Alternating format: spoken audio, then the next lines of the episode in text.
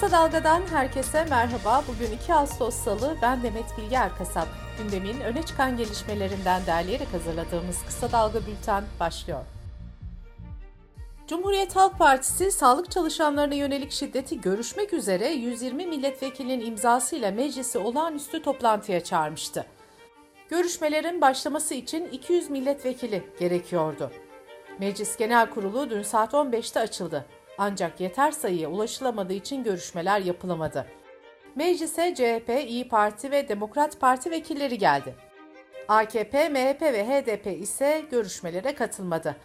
AKP Grup Başkan Vekili Mahir Ünal, CHP'nin şov yaptığını savunarak toplantıya katılmayacaklarını açıklamıştı. MHP de konunun CHP tarafından istismar edildiğini öne sürmüştü. HDP Grup Başkan Vekili Meral Danış Beştaş da önerilerimizi sormamasını talihsizlik olarak değerlendiriyoruz diyerek CHP'nin çağrısını reddetmişti. CHP Genel Başkanı Kemal Kılıçdaroğlu meclisin toplanamamasına tepki gösterdi. Kılıçdaroğlu, hepimiz görevimizi yaptık ama parlamentoyu işlevsiz kılan iki organ, iki temel kurum yani AK Parti ve MHP gelmedi. Dolayısıyla bundan sonra olacak bütün negatif olayların sorumlusu da onlardır, dedi. Arada sağlıkta şiddet olayları da hız kesmiyor. Kocaeli'nin Gebze ilçesindeki Fatih Devlet Hastanesi'nde görevli hemşire Önder Gürel, hasta yakını Murat Olgun'un saldırısına uğradı. Hemşire Gürel'in kafasında ve burnunda kırık oluşurken gözaltına alınan saldırgan ise adli kontrol şartıyla serbest bırakıldı. Kobani davasının 15. duruşmasının 5. oturumu Sincan Cezaevi kampüsündeki Ankara 22. Ağır Ceza Mahkemesi'nde devam etti. Mahkeme heyeti demans hastası olan HDP eski eş genel başkan yardımcısı Aysel Tuğlu'nun Segbis'le salona bağlanmasına karar verdi. Aysel Tuğlu'nun kendimi savunabilecek durumda değilim sözlerine rağmen mahkeme heyeti Tuğlu'ya sorular yöneltti.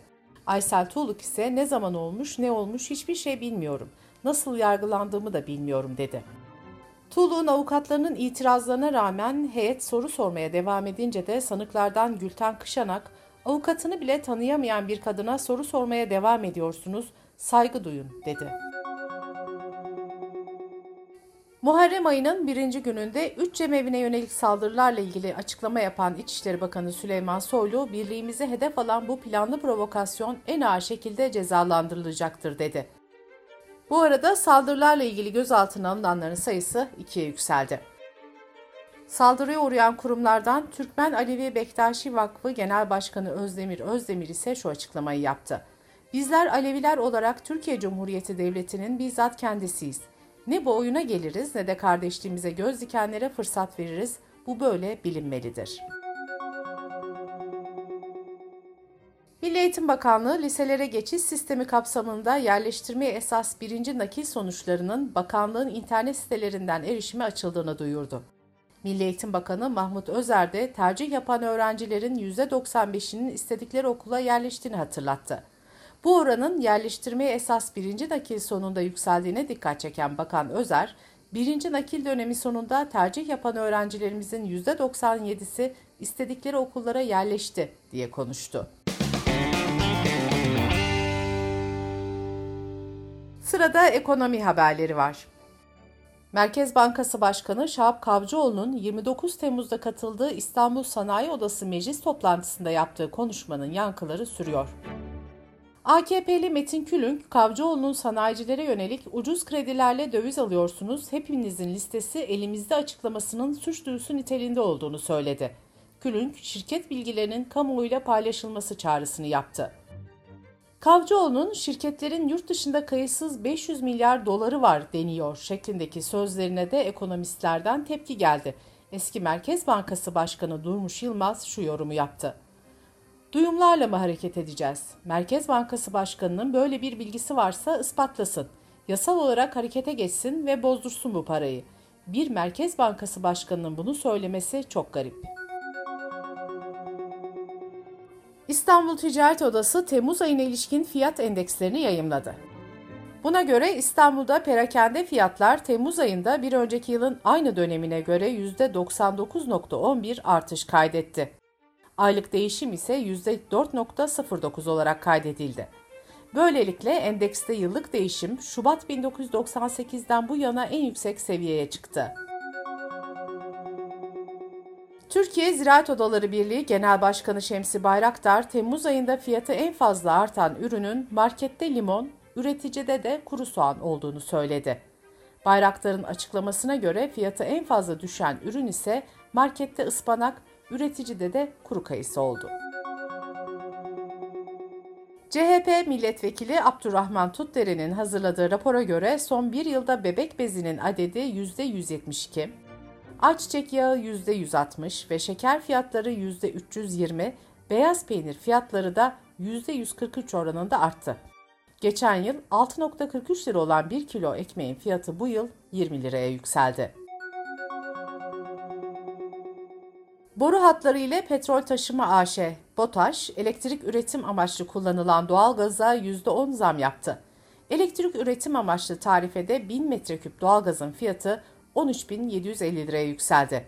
CHP Genel Başkan Yardımcısı Ahmet Akın, bu konuda yapılan zammın %567'ye ulaştığını belirterek plansız, programsız ve Rusya'ya göbekten bağlı bir enerji politikasıyla enerjiyi yönetmeye çalışıyorlar dedi. Cumhurbaşkanı Erdoğan geçtiğimiz günlerde Ordu'da yaptığı açıklamada fındık fiyatını kalite belirtmeden 54 lira olarak açıklamıştı. Fındık fiyatlarına ilişkin bir açıklamada Toprak Mahsulleri Ofisi'nden geldi. TMO'ya göre kilogram fındık fiyatı Giresun kalite için 53 lira, Levant kalite için 52 lira, Sivri kalite için ise 51 lira olarak belirlendi.